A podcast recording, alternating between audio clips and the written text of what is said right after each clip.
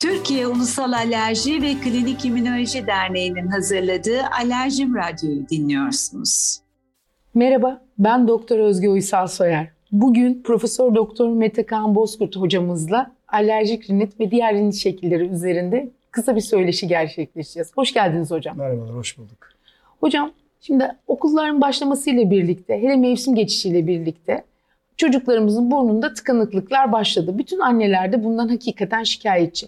Hangi burun tıkanıklığında alerjik rinitten şüphelenelim? Şimdi tabii çocuklarda burun tıkanıklığı çok sık görülen bir e, semptom.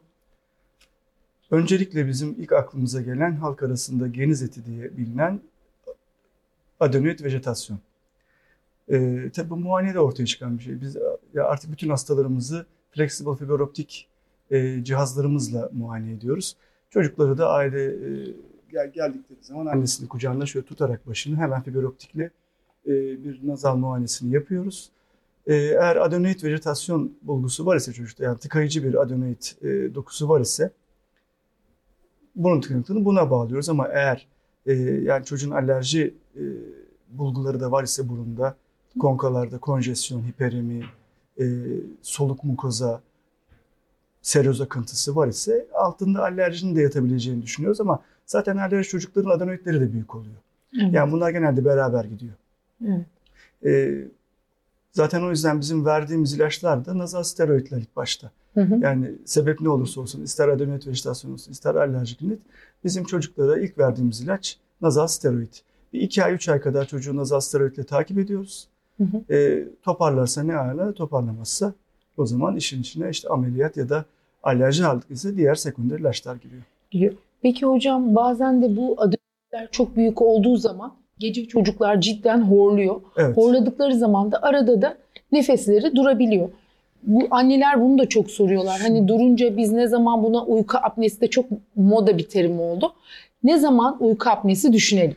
Şimdi uyku apnesinin e, kulak burun boğazı tıkayıcı uyku apnesi bizi ilgilendiren konu. E, de santral apneler var. Onlar bizim konumuz dışında. Tıkayıcı uyku apnesi demek için ağız edi burundan 10 saniye boyunca solunumun durmasını anlıyoruz. Yani 10 saniyeyi bulması lazım bu e, solunum eforuna rağmen nefes alamama durumunun. E, bu durumda biz buna apne diyoruz. Yetişkinlerden farklı olarak yetişkinlerde 5'in altında biz buna normal derken çocuklarda bir tane bile apne olsa gece biz buna tıkayıcı uyku apnesi sendromu çocuğa da e, uyku apne hastası olarak değerlendiriyoruz.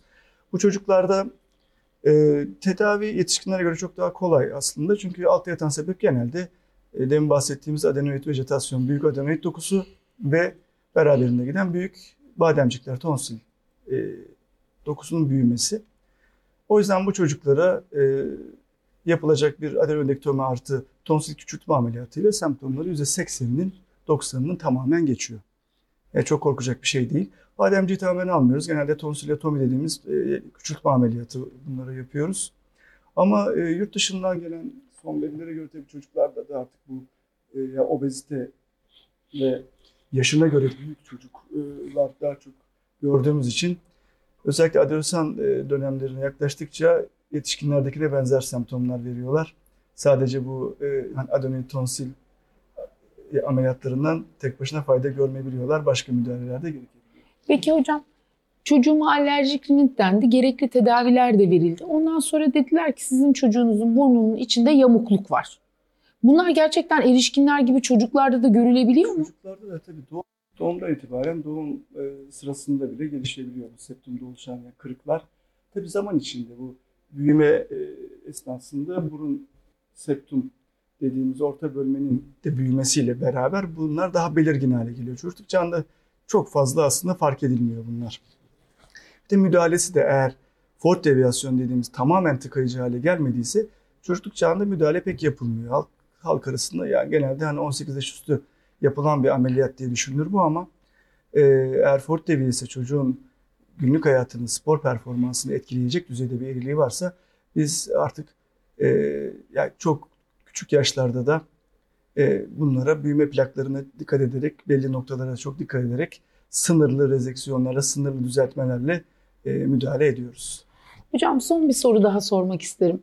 Şimdi çocuklarda hakikaten bu adenoid vejetasyon dediğimiz geniz etinde büyüme sıklıkla görüyoruz.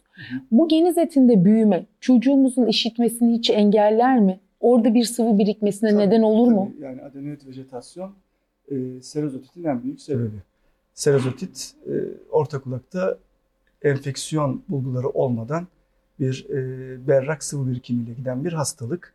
E, negatif basınç ve beraberinde orta kulakta sıvı birikmesiyle beraber e, sıvı ile havanın e, şeyi farklı olduğu için tabii iletkenliği e, çocuklarda yaklaşık e, 20-30 desibele varan iletim tipi işitme kaybı yapabilen bir hastalık ve belli bir oranda müdahale edilmesi lazım bunun kalıcı olmaması için. Çünkü zaman içinde bu seroz dediğimiz e, berrak sıvı neredeyse zamk haline kadar dönüşebiliyor. Zamka benzer işte gluir dediğimiz bu zamk haline kadar gidebiliyor ve kemikçik zincirin e, zardan oval pencereye iletilen e, titreşimin iletilememesine sebep oluyor ve bu yüzden biz erken evrede e, dediğimiz bir ölçümle orta kulak basıncını ölçüyoruz.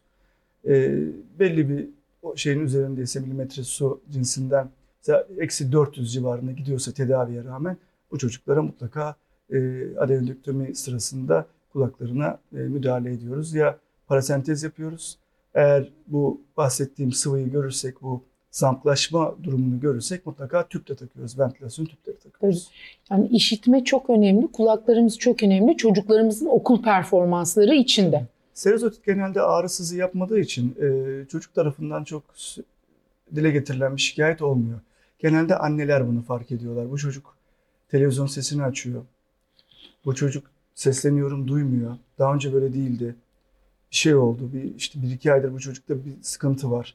Çünkü çocukta bir ağrı, sızı, ateş e, tarzı bir semptom yaratmadığı için yani anne fark ediyor bunu. Biz de zaten bize böyle söylediği zaman yani hemen diyoruz ki bu çocuk serotonin olmuş.